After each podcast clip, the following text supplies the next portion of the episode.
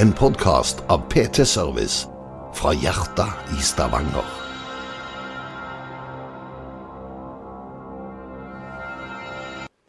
Hei og velkommen til trening og livsstilspodden med meg, eh, Lloyd Georg Kværvik. I dag er jeg faktisk i uh, Litauen, hvis jeg ikke tar feil, sammen med en ganske kul kar som er toppidrettssjef for uh, Norges styrkeløftforbund. Han heter Olav Melhus Gomo. Hei, Olav. God dag. Hyggelig å få lov til å være med på podden. Så koselig.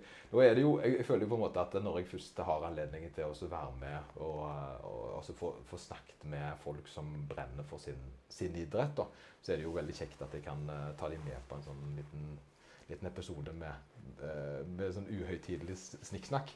Og det er jo flott at du hadde tid til det nå når vi er på VM i styrkeløft. Uh, hvordan, hvordan går det med deg? Jo, det går bra. Det er jo gøy å være her, da. Det er jo alltid mesterskapene er jo på en måte høydepunktet hele veien. Så det er jo gøy å komme i gang med det. Så det er jo fint å kunne bruke litt tid på sånne ting nå før vi venter på første løfter ut i, i ilden senere i dag. Dette er vel, eh, Hvis jeg ikke tar feil, så er vel dette det, er det første VM-et du er som altså ansvarlig på uh, som toppidrettssjef? Ja, det stemmer. Jeg var med, på, var med juniorene på EM eh, i oktober, men det er første med seniorene sånn uansett, da, men også første VM. ja. Men du har jo, eh, men det som er litt kult med deg, da, det er jo det at uh, du tredde vel inn i den stillingen her i august, hvis jeg ikke tar feil. Var det da, men litt sånn tidlig i juni så begynte du forsiktig i 2023? Kan det stemme? Eh, ja, altså offisielt begynte jeg 1.10. Eh, men eh, fra sommeren av så har jeg trent en del av utøverne og bare fulgt opp de, sånn at det ble en flyt på det. da, men Sjølve jobben begynte egentlig 1.10, så da har jeg på en måte hatt hele ansvaret fra da. Men, eh, men, bakgrunnen din er jo sånn jeg, så Det er jo det som gjør For meg jeg ble, jeg ble veldig glad når jeg så at det var du som fikk jobben. Nå har du tatt over etter Lars. Nå har han på en måte uh, tredd til siden, og så har det kommet en ny kjekke kar inn da. Uh, og, og, din bakgrunn er jo faktisk Du har jo både bakgrunn innen styrkeløft som regionstrener, det samme som meg, og så har du da en sportsbakgrunn på universitetet. Og der hadde du jo jobb uh, som universitetslektor, hvis jeg ikke tar feil, i sport eller idrett. Uh, og så valgte du da å gå over til vennestillingen. da. Hva var det som gjorde at du tok det steget?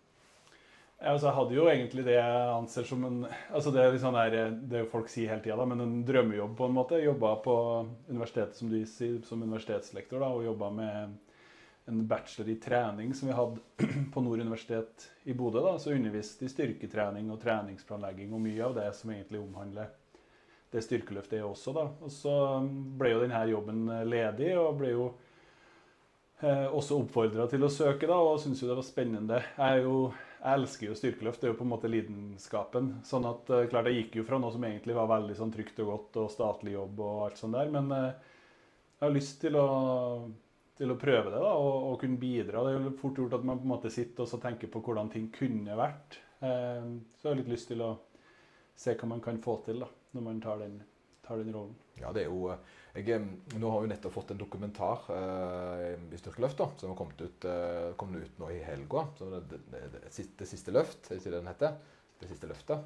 Eh, og da ser jeg jo Marte Elverum blir spurt om hva som er styrkeløft, eller hva som på en måte er et styrkeløft for henne. da. Og da, og da merker jeg jo um, dette her med samhold er vel egentlig noe hun trekker veldig godt fram. Uh, og det er vel noe jeg har opplevd i uh, styrkeløft, at det er Jeg vet ikke om det er særegent for vår idrett, da, men, men det er iallfall noe som jeg kjenner veldig godt altså Det resonnerer veldig godt med meg. da. Og, og, jeg forstår når hun sier det, så er det jo det vi først altså Hvorfor jeg er Druskinninkai Kai. Jeg er litt usikker på hvordan jeg sier det. Men eh, det er jo derfor jeg er her. Det er jo fordi det er et samhold sammen med, med da, utøvere som, eh, som konkurrerer. Og, uh, og, du som regionstrener har jo gjerne kjent på det før. Og det å ta steget opp til på en måte øverst, det er jo litt kult, da. Men, men, overgangen, hvordan følte du den var? Var det spennende? Altså, Var det mye ting som du gjerne ikke hadde tenkt på? Ja, altså Det er jo som sagt, jo, Når man går ifra en jobb der det er veldig mange ansatte og en stor administrasjon og veldig mange kollegaer, og alt sånt der, så blir det jo annerledes når man kommer inn i et forbund der vi er tre ansatte, og så er alle andre på frivillig basis. på en måte, Så det er jo noen forskjeller der.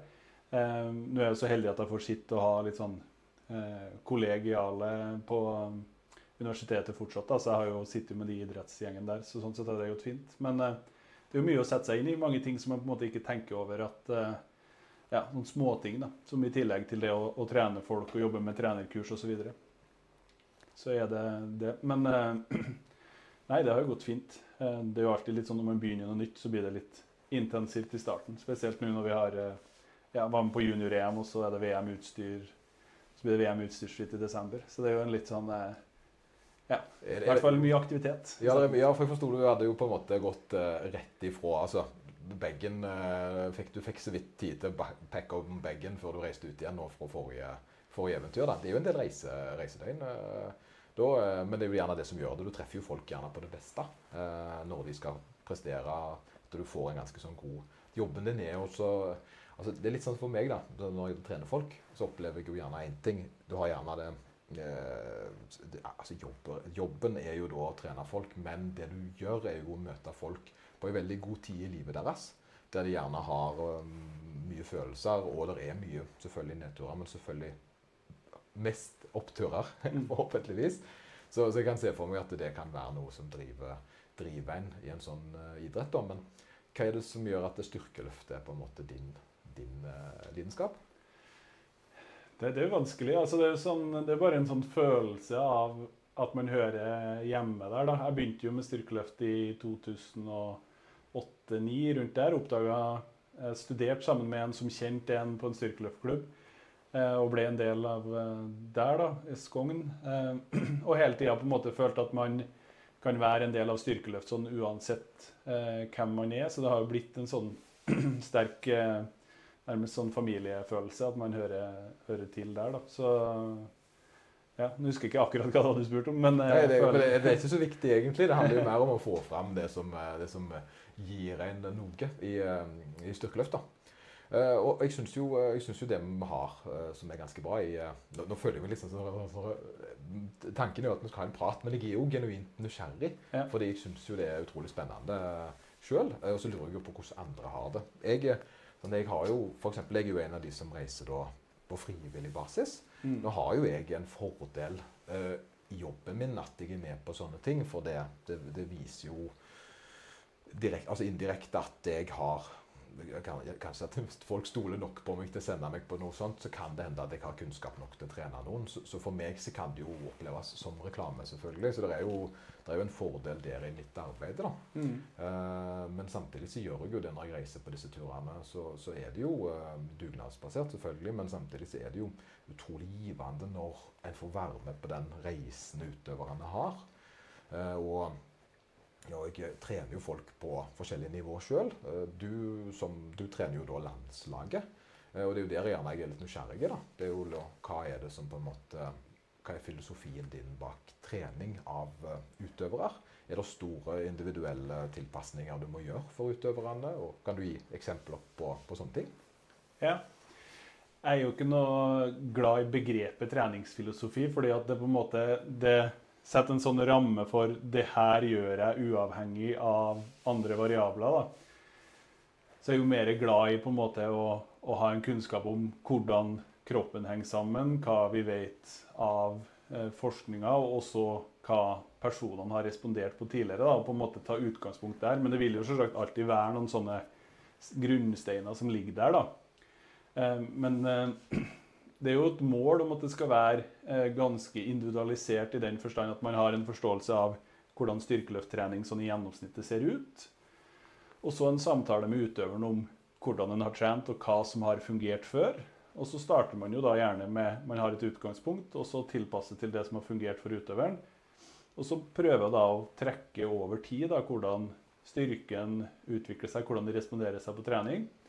Og så prøve å gjøre små justeringer, da, sånn at man treffer Um, så det er jo utfordrende sånn som nå, da, når jeg begynner, og så er det VM nå i november, og klarer å bli nok kjent med de utøverne og hva som fungerer for de, til at vi klarer å ha en, en framgang. Da. Men um, ja. Ja, det er jo fantastisk. Ja, jo, jo, men, men, det er jo noe med det. altså Du vil jo bli mer og mer kjent med de. Uh, jeg så jo selv en studie som da viste at, en, at det, var det er jo løye hva en kan forske på, men uh, hvis ikke jeg tok feil, så tror jeg den studien viste at spesialisering av altså det å bli kjent med en utøver istedenfor å gi dem et standardopplegg, hadde opp mot mellom 20 og 25 bedre effekt langsiktig. Eh, det som jeg tror veldig mange jakter etter, da, det, er det den hemmelige trikset. Eh, men jeg tror egentlig så er det vel gjerne det som skaper trivsel og kontinuitet, som er primærprinsippene, uansett hva nivå du er på. Men hva, hva tenker du om det? Jo, jeg er jo helt enig. Altså, de hemmelige triksene er jo gener og kontinuitet, på en måte. Og så er er det, jo det å, å, justere til det som vil fungere best for deg, er jo også viktig. Og viktigere jo høyere nivå du er på, mest sannsynligvis. Men, men um, det å ha noen ting som du klarer å gjennomføre over tid, da, for det er jo styrketrening og det å bli sterkere er jo noen ting som tar tid, uansett. Uh, og hvis du har et veldig godt genetisk utgangspunkt, så går det fortere enn de fleste, men ikke sammenligna med de beste i verden, så vil det jo fortsatt ta tid som regel å bli, å bli god. Da. Så um, det er jo en tålmodighet, og det å, å, klare å finne noe du trives med, er jo, er jo viktig også. Og sjøl på et landslagsnivå der man på en måte tenker at de her personene vil jo gjøre alt for å prestere så godt som mulig, så er jo den troa og trivselen på treninga vil jo være med å bidra til hvor godt man klarer å gjennomføre den. Og effekten av det man trener også. Og så er det jo viktig å ha med seg at det er jo ikke, er jo ikke fulltidsutøvere, de som er på landslaget heller. De har jo en jobb og et liv rundt, de også, som må tilpasse mange ting som man vil gjøre for Ola og Kari Nordmann også. Mange, sånn som Marte Kjelta fortalte jo at hun jobber jo f.eks. i barnehage. Så hun får jo mellom 15 000 og 20 000 skritt til dagen på en åtte timers arbeidsdag.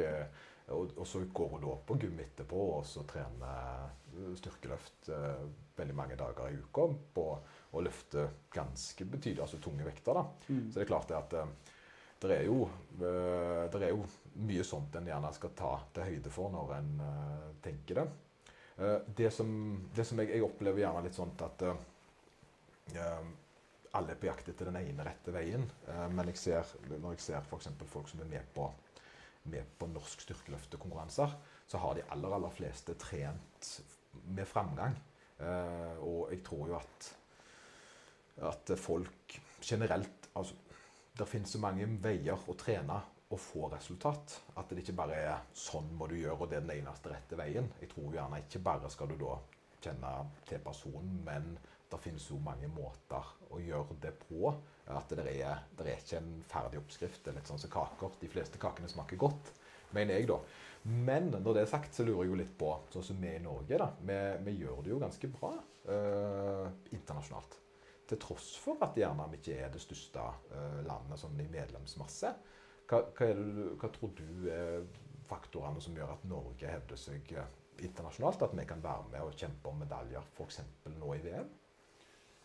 Det er jo en, altså, Vi har jo en god treningskultur som er bygd opp over mange år. altså Man er nok en av de landene der det på en måte når eh, Dietmar var landslagstrener, og det opplegget som ble kjørt ut der med at veldig mange fikk programmer som var på en måte gjennomtenkte program som man gjerne kjørte over lengre tid, da, heller enn at man drev og bytta, at det var veldig mange ulike kulturer rundt omkring, gjorde nok til at det i hvert fall utvikla seg en god treningskultur mange plasser. da, Og det å tørre å trene ganske mye også var det mange som gjorde.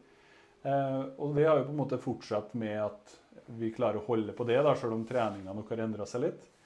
Og så er det jo klart at sånn som med styrkeløft med utstyr, så har vi nok også vært i verdenstoppen på det med å klare å bruke utstyret da, og, og, få hjelpa derifra på en, på en, god måte. Um, ja, Og så er det jo noe med forbilder. da, Når det først er noen som lykkes, så er det mye enklere å se at det er mulig da, enn uh, det, hvis det er ingen som bøyer 300 kg der du trener, så tenker du at 300 kg er umulig. Men hvis det står fem stykker og gjør det, så er det på en måte helt normalt og mulig. Da, at man må flytte grenser for hva som, hva som, går an også. da. Um, ja. jeg, husker jo sjøl at når jeg begynte på en måte på et styrkegym, da, eh, det som jeg da senere tok over og kjøpte og, og drev sjøl, så var vel det det eneste senteret som hadde 60 kg sandler. Uh, og da, og, og uh, samtalen der var jo alltid at de fjerna alt over 40 fordi at det var ingen som klarte å løfte 40 rent. da.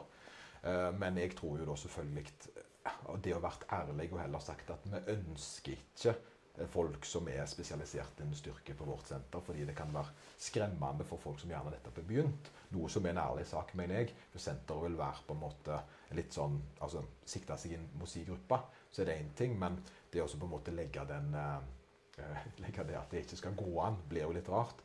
Fordi det som skjedde for meg når den uh, handelrekka ble lengre, så ble jo ikke de 40 så skumle, sånn som du sier da.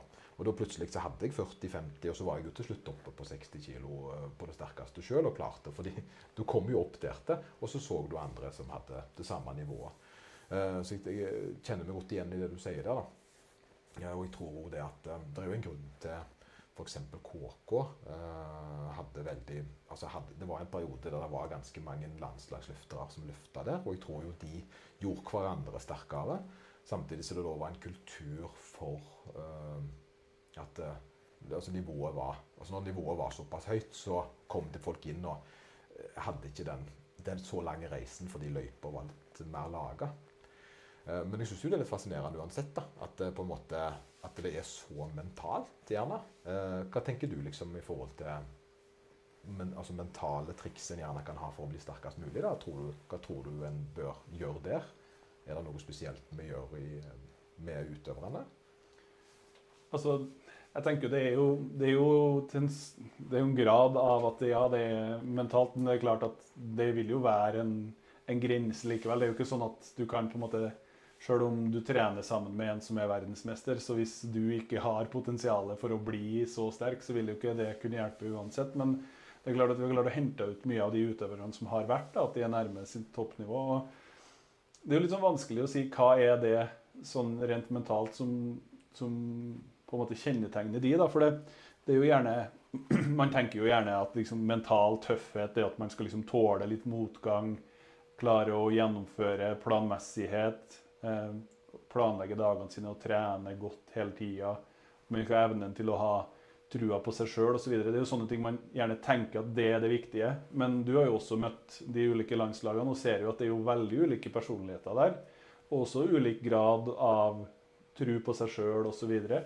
Så jeg syns det er vanskelig å skal liksom kjennetegne hva som er viktig. da. Men det er nok det å evnen til det å, å se langsiktig og klare å tenke at vi trenger ikke den belønningen her med en gang. Må klare å holde på over lengre tid. Eh, og så er det jo noe med den trua på seg sjøl. Sjøl om den kanskje ikke uttrykkes av alle, så tror jeg jo det ligger i mange av de som klarer å prestere godt. Og så er det noe med den kulturen jeg har klart å bygge. da, Med at man på en måte er med å utvikle hverandre da, ved å løfte hverandre når man ser det trengs. Som er viktig. Men eh, det er spennende. Og så er det Jeg tror det er veldig vanskelig å skulle gi noen sånne fasiter på, på det. Men uh, ja. Det, det, det, er jo det som ofte var for det, Jeg husker Jørgen Hansen som sa det. da, altså Uoffisielt sånn sett så sa han det at det som er litt vanskelig, er å gi et konkret svar fordi det finnes så mange svar. Eh, og hvis du da som toppidrettssjef sier noe, så kan det legges veldig mye tyngde på, selv om du vel egentlig mener det som en av alternativene. da. At du da sier armhevinger er bra, eh, og så plutselig så gjør alle armhevinger fordi toppidrettssjefen sa det. Så Den kan jeg jo forstå kan være litt vanskelig. Men er det noen sånne ting som du eh, tenker at dette er veldig sånn tydelig Dette er lurt å gjøre for å bli sterkere? At det er på en måte en sånn en ting som går igjen, som du er veldig trygg på? Da tenker du treningsmessig? Ja, enten det, eller uh, hva er en god anbefaling for noen som ønsker å bli sterkere? da? Hvis man ønsker, altså det, det, grunnleggende er jo på en måte, hvis du skal utvikle styrke, er jo at du må jo gjerne trene eh, spesifikt på det du skal bli sterkere på. Det er jo det her grunnleggende som på en måte alle egentlig forstår, da, med at du må, du må utvikle de ulike kapasitetene. Men vi ser jo det at um, det som har vært i Norge, har jo vært liksom at vi har tørst og trent forholdsvis høy frekvens, høyere volum enn en del andre. Nå er jo kanskje det litt annerledes nå enn det var, men uansett så det å trene tilstrekkelig da, er jo viktig. At du får trent på en måte og utvikla muskelmasse, du får utvikla evnen til å, å, løfte tungt gjennom at nervesystemet blir bedre. Da. Så jeg tenker jo hvis vi Litt avhengig av nivå, men det er jo klare å um, å bygge opp den kapasiteten til å, å trene tilstrekkelig. Og, um, Ja. Det er spennende, fordi, fordi jeg eh, nå kom det jo nettopp en studie da, som, eh, som jeg leste, som viste at uh, før så har en gjerne definert dette her med hvor mye volum, altså sett, en skal ha. Og Det er jo noe som jeg har snakket om tidligere. Det, før så tenkte en at eh, hvis en kom over et visst antall sett, så var det på en måte trash-volum og hadde ikke så mye effekt. Men eh, eh, nå var det faktisk en studie som jobbet seg opp til 50 sett i da lårmuskulatur spesifikt eh, over, over uka, der det var progresjon til og med den type volum. Og, og jeg tenker jo det um, at vi, vi snakker vel gjerne om den tyske grunnprinsippet, altså German volume training, som på en måte er det der styrkeløften Det var i hvert fall det jeg vokste opp med. da, Der eh, det var veldig uvanlig husker jeg at jeg mener det var, var at det var eh, Marte Elverum som trente knebøy seks dager i uka. At det var ikke vanlig andre plasser i verden. Men så handler det jo da gjerne om selvfølgelig ene at kapasiteten du tåler å trene, og at du har bygd opp det over lang, lang tid. Og det virker som om det er det som du gjerne poengterer, at uh, volum er et stikkord det norske styrkeløften uh, spesialiserer seg innen. Det å balansere volum mot restitusjon, kanskje? Ja, det har jo vært det i hvert fall at man på en måte har trent, som du sier, høyere frekvens enn det mange land har gjort, og da også høyere treningsvolum. Nå er jeg jo eller ikke usikker, men jeg, er mer, jeg tenker jo at det er nok ikke nødvendig å ha de her helt ekstreme volumene. For det man gjerne gjør, da, er jo at man tar jo også ned intensiteten. da. Så det er jo litt hva man ønsker å oppnå. sant? Um, så det vi ser nå, og spesielt på utstyrsfriløfting, er jo at kanskje den intensiteten er litt høyere, og det volumet er litt lavere. Så du, du må jo balansere de to hele veien. Men um, vi har jo tradisjonelt vært at vi har trent mye volum, men nå tror jeg ikke nødvendigvis det alltid er løsningen, for du skal jo få noe ut av denne treninga også. Men det er nå i hvert fall en ting som har ofte blitt gjort. Og som du sier, man kan nok trene mye uten at det på en måte er sånn at det, du ikke får framgang. Men så er spørsmålet hvis du kunne ha trent ti sett mindre i uka og fått samme framgangen, da ønsker du jo gjerne å gjøre det. Så jeg tenker jo at spesielt hvis vi tenker en, et nivå under et eh, landslag, da, så er det jo viktig å tenke heller hvor lite kan jeg gjøre og fortsatt få framgang, og så bygge videre derifra. Da. For det, jeg tror nok det var litt mange som på en måte heiv seg på den trenebøy seks dager i uka og veldig mye trening, da, som ikke hadde trengt det, i hvert fall ikke i den delen av karrieren sin. Sånn at eh, du må jo trene tilstrekkelig, det ser du jo i alle idretter. Eh, men på et lavere nivå spesielt. Og så tenker jeg at man må også se hvor lite kunne vi ha gjort og fortsatt fått denne fremgangen. Ja, det er, det er jeg helt enig i. Det er jo, det er bra du presiserer, fordi eh, altså Intensjonen bør jo være å få best mulig kvalitet med minst mulig sånn trening.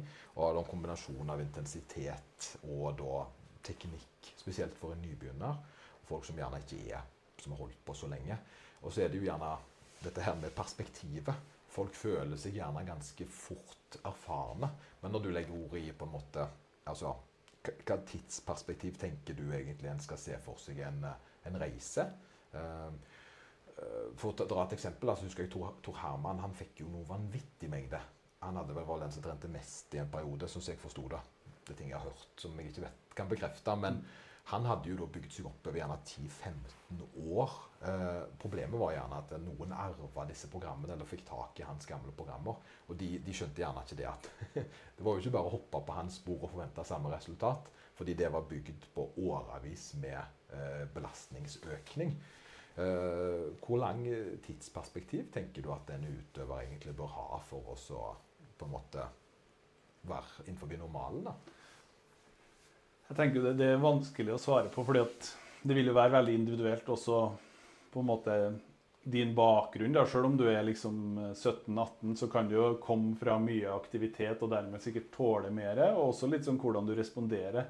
Men jeg tror jo sånn uavhengig av det at man skal være litt sånn forsiktig med å bare bygge gradvis opp masse trening og tenke at å gjøre mer og mer vil alltid være det som bygger styrken videre. da. At Vi ser jo det internasjonalt at det er folk som trener mindre, men med kanskje litt høyere intensitet, også har framgang. da. Så jeg tror ikke det at man skal på en måte tenke at vi skal bygge volumet inn, inn i evigheten. Ehm, men det å alltid tenke at man begynner med litt for lite da, for noen som man tar over og skal trene, og så prøve å ha en progresjon der. da, Ser om på en måte kan vi gjøre den treningen vi gjør, bedre, eller må vi gjøre mer for å, for å utvikle oss? Og Da er det jo litt sånn, da må du jo kommunisere med utøveren din om Hvis du trener en gitt mengde, den ikke har framgang, men rapporterer at den føler seg ikke støl, ikke noe ekstra sliten, all treninga går bra, da er jo det gjerne et tegn på at du kan øke på. da. Mens hvis du ser på en måte at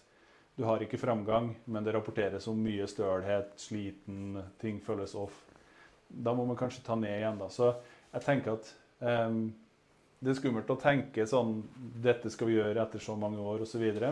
Heller la det være mer flytende og individualisere. da. Uh, det er jo kjedelig å si, fordi at folk ønsker jo gjerne på en måte retningslinjer. sant? Um, men hvis du begynner å trene styrketrening for maksstyrke med et lavt volum, og blir du sterkere i en sånn, det som oppleves som en fornuftig fart sammenlignet med andre, så fortsett det. Og så øke på når du stagnerer, da, hvis ikke du kjenner at det er masse utmattelse som gjør det. Du snakker jo eh, veldig fornuft. Det er jo det som er problemet. ikke sant? Eh, jeg prøver jo, prøver jo på en måte å bygge opp litt sånn tis der at en gjerne får noen, eh, får noen dirty tricks til å ha i boka si. Men jeg forstår jo at det, det du sier, er jo helt riktig. Um, og jeg sjøl har jo på en måte funnet den her, um, dette med øking av volum er jo gjerne en, en variant en kan gjøre når alt annet nesten er utprøvd, og at en ser Eh, men jeg har jo i mange tilfeller til og med på regionsutøvere redusert volum, fordi jeg ser at de, de har ikke framgang. Og, og, um, det skyldes da rett og slett at de sliter med restitusjon. Eh, og, hvis, og dette her er vel den her spesielt uh, vanlige feilen de gjør, føler jeg. Det er at en, en, en, pusher så hardt at en ikke forstår at treningen din er for i dag nå. At, altså, at du, tenker, du tenker ikke langsiktig det å bygge på en måte over tid for restitusjon og så sørge for at neste trening blir bedre, er noe som faktisk stemmer for styrketrening òg. Og det er jo det å balansere intensitet med eh, volum som er balansen. Og så er det da å øke gjerne eller passe den livsstilen til personen, sånn som jeg forstår det. da. Så da er jo spørsmålet gjerne hvordan gjør du det på landslaget? Hvordan eh, balanserer du dette på utøverne på landslaget? Det, det, har du gjerne svart litt på, men det når vi har kommet såpass ja. langt. En, en, drømmeutøver er jo den som har den samme hverdagen hele tida, og gjerne en lite belastende hverdag. Da er det veldig enkelt. Da er det på en måte livsstil. Den ligger fast, det varierer ikke så mye. Og da er gjerne utgangspunktet da hva er de vant med. Begynner, Hvis vi har god tid til et stevne, da i hvert fall, så begynner jeg ofte litt lavere på volum enn det de, det de har kjørt før, bare for å se om at vi klarer å ha kvalitet i det vi gjør, sikrer meg at vi på en måte ikke gjør så mye at nå blir dårlig kvalitet. Da. Så er det jo gjerne en sånn utøvere på et høyt nivå er veldig god på det du snakka om som var viktig nå, med å forstå det. Denne treninga påvirker også neste trening. Og så klare å forstå hvilke økter som er viktige, og, og, hvordan man bør gjennomføre dem for å på en måte få en god treningsuke og treningsblokk. Da. Um, mens det jeg gjerne gjør, da, er jo at de rapporterer om hvordan de føler seg før økta, hvordan de har sovet, stressnivå, og etter økta hvor utmattende den økta var. Da. Og hvordan man følte seg. Og så over tid, da, så når vi trener og ser hvis de opplever noen rapporterer veldig høy utmattelse etter noen av øktene, så vil jeg tilpasse de. Eh, hvis man ser det at en periode så er søvn dårligere, stress høyere, så justerer vi programmet der. Og så er det jo Jeg tar jo over folk som på en måte har gode vaner. da, Så det er jo ikke så ofte at jeg nødvendigvis trenger å gi dem så mange råd på hva de bør gjøre for å få til livsstilen, sånn at økta blir bra og, balanserer restitusjonen. da, For de er ofte, de er ofte gode på det. Um, men gjerne da gi noen råd hvis man tenker at det er nødvendig. da. Um, ja. Jeg synes jo, det Personlig så er det jo en ting som jeg syns har vært litt eh, som har vært litt tøft. eller var iallfall tøft i starten. Da, det var det at eh, du trener gjerne en person i en tid. Eh, på lån, spesielt i min situasjon. da. Og det som kan skje, det er jo da ok, Så har du lånt den personen, og så, og så har du øh, trent den, og så skjer det et eller annet som gjerne OK, takk for meg, nå er det neste. Nå er noen andre, nå vil jeg prøve noe nytt. Eh, og så ønsker du jo selvfølgelig at folk skal få gode resultater videre, men heldigvis har jeg ikke sett at det, da, at det er da det tar av. Eh, for da føler jeg gjerne at jeg har vært en brems. Eh, og, jeg vil jo kanskje tenke det at at det kan være litt tøft, spesielt altså når du tar over utøvere som er veldig erfarne. at det, Da skal du komme inn, eh, og så skal du ta over eh, noe som allerede har fungert ganske bra. Men jeg regner jo med at eh, spesielt folk på høyt nivå har forståelse for at ting vil være annerledes i en periode. da, og Her er vi jo gjerne voksne som vi kan snakke sammen. Men hvordan kjente du på den overgangen? da? Ja, det er interessant. Altså, jeg har jo utøversamtaler da, før vi begynner med noen. Og, og, noen har jo veldig forståelse av hva det er som har fungert for de. Hva er det slags trening som jeg bør gjøre. Mens andre har nesten ingen tanker om, om hva det er som bør fungere. Da. De vet hva De kan beskrive litt hvordan de har trent da, og, og om de har hatt framgang. Men, så det syns jeg er veldig interessant. Noen eh, utøvere er jo gjerne eh, mer bevisst på hva som har fungert. Og så er det jo, det er jo, altså det er jo mye eh, enklere eh, å ta og begynne med nybegynner. Jeg er jo klubbtrener også. Det er jo en mye enklere oppgave å på en måte gi de resultatene som de er fornøyd med. fordi at det er så mye som fungerer, og det er på en måte, du får alle det her med at de kommer i gang og lærer seg øvelsene og sånne ting. Og så når du tar over noen som skal på VM om tre måneder, så vet du at denne personen har vært på dette nivået i fem-ti år. Da er det jo mye, mye, mer utfordrende. Men utgangspunktet mitt er jo hva de har gjort og fungert før, og så noen tanker om hva som bør fungere. da, altså Hvis de har trent eh, med et veldig høyt volum, lav intensitet, og de har stagnert litt, så kanskje vi prøver å pushe da på intensiteten litt mer, og, og omvendt. da. Um, og så snakker man gjerne om måte idrett om en sånn uh, tannkremtilpasning til, uh, til treninga. Og det mener med det at hvis du klemmer på samme plassen på tuben hele tida, så til slutt så kommer det ikke noe mer tannkrem ut. Men hvis du klemmer på en annen plass, så kanskje det begynner å komme tannkrem ut. sånn at man må da se på hva det er de ikke har gjort da, for å skape framgang. Men uh, det er klart at det er jo vanskeligere å å forstå om treninga fungerer, fordi at man ser ikke den framgangen like raskt. Så, og det er jo utfordrende. Og så er det alltid litt sånn eh, De får jo i hvert fall en sånn giv på trening da, ved at de begynner med noe ny. Så bare eh, veldig ofte så har folk en tillit til at det her kommer til å bli noe som fungerer bedre. Sånn at de får en sånn boost i starten. Men eh, det er jo ikke sånn at jeg har noen eh, magiske triks som eh, ikke finnes andre steder. Altså, ja, nei, Det er alltid en, det er en spennende eh, del, det å klare å liksom tvike de tingene. da. Eh, men det er jo så derfor det er artig å holde på med det. da, Fordi det er vanskelig. liksom. Det er jo noe med flytsonemodellen. Altså Hvis det er for lett, så blir det kjedelig. Så det er artig med utfordringer også.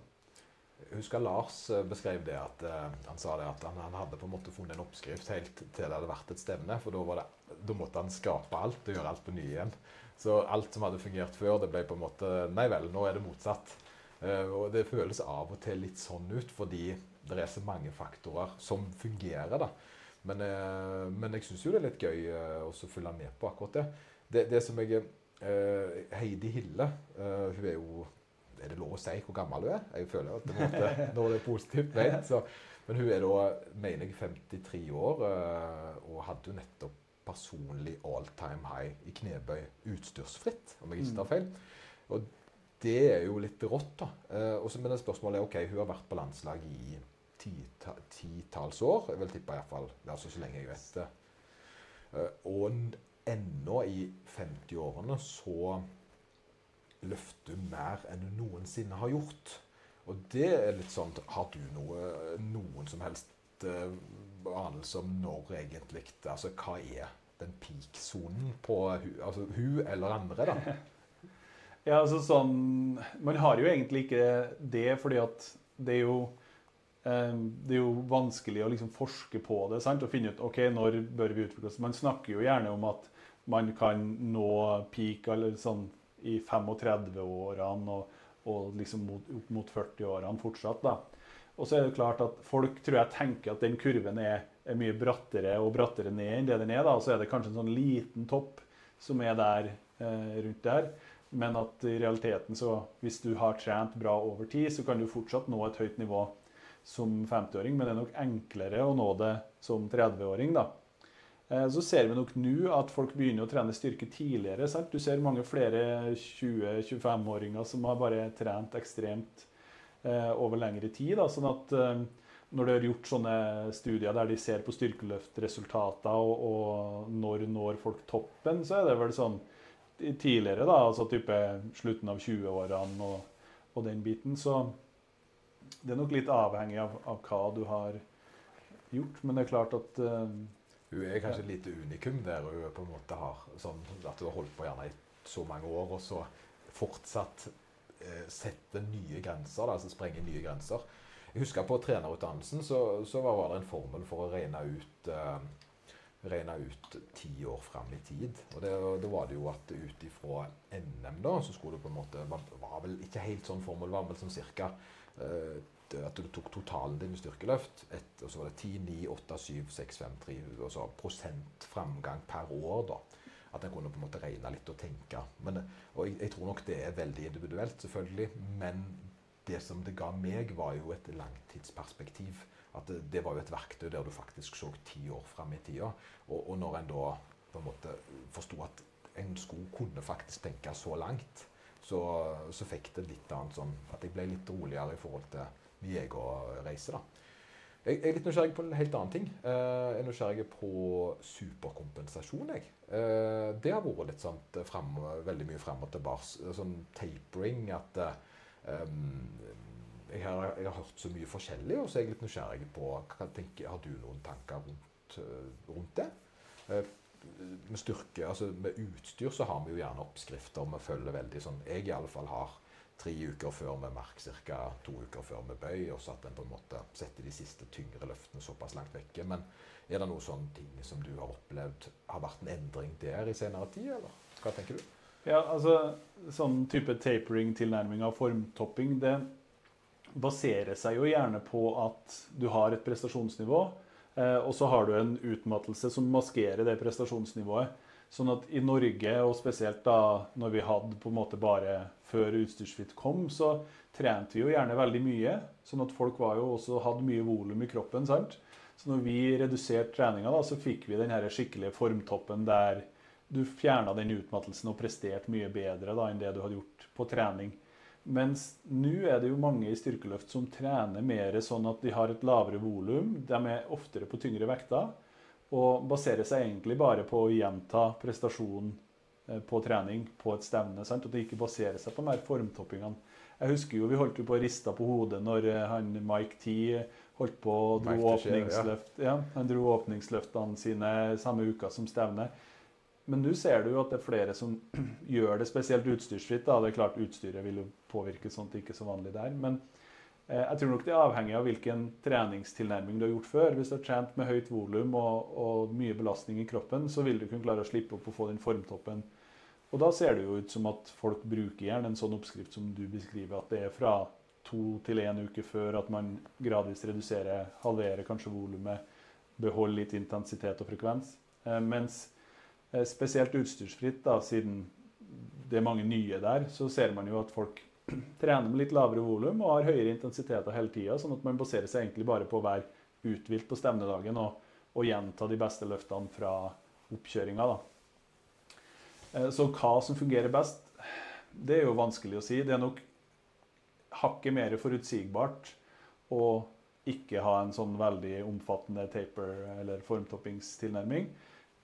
Men samtidig kanskje da den potensielle gevinsten er kanskje litt mindre. da.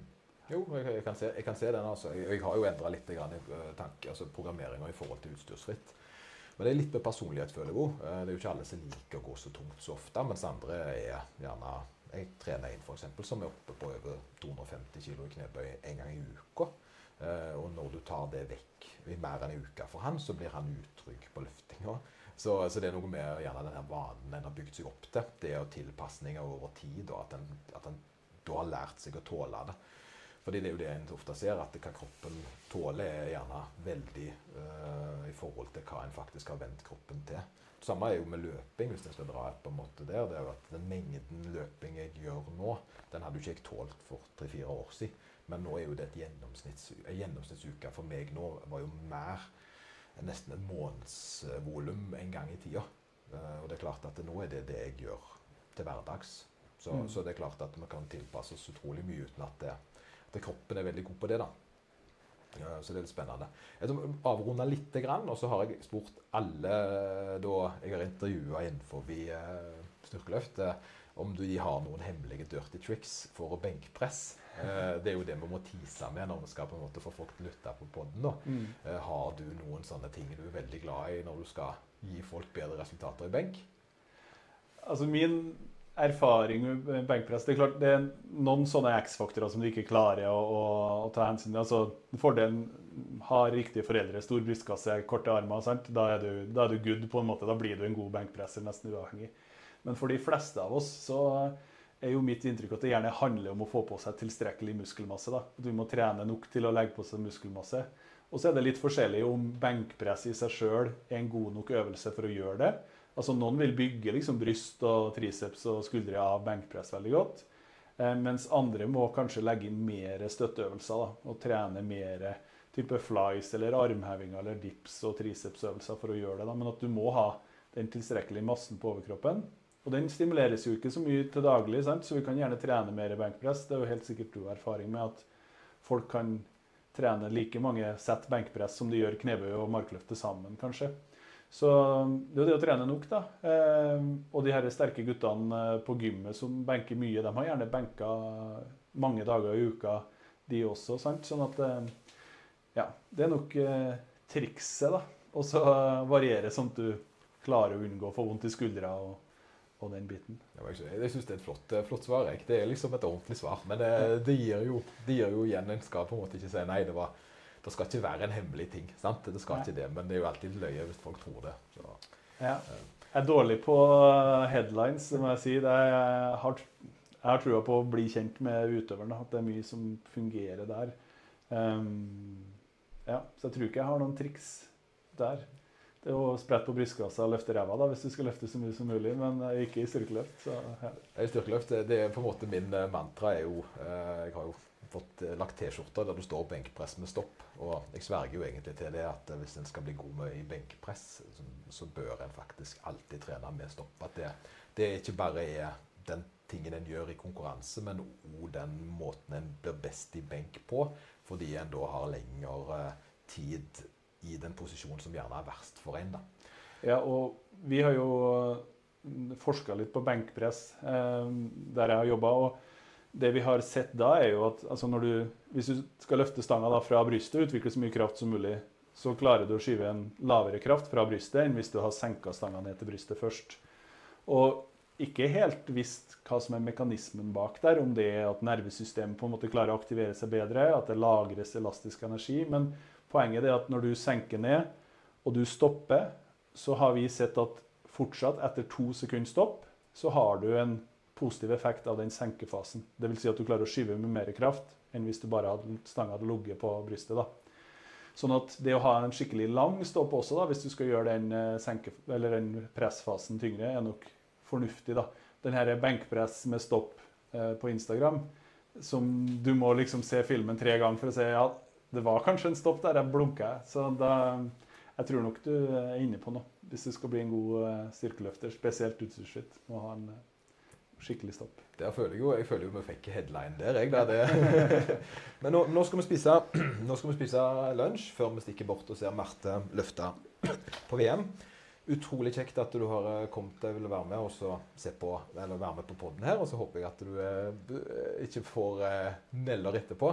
Veldig kjekt eh, å få snakka med deg. Ja, det er hyggelig å være med. Er nok ikke den som eh, tar de meste overskriftene, men eh, det er jo artig å få prate med deg. Jeg føler, jeg føler at eh, når en er robust og stødig, så er det det som vinner i det, i det lange løpet. Det, det å være bajas er sjelden en god måte å bygge, bygge eh, Hva det blir. eh, å, å bygge tillit over tid er viktig, tror jeg. Helt klart. Tusen takk, tusen takk.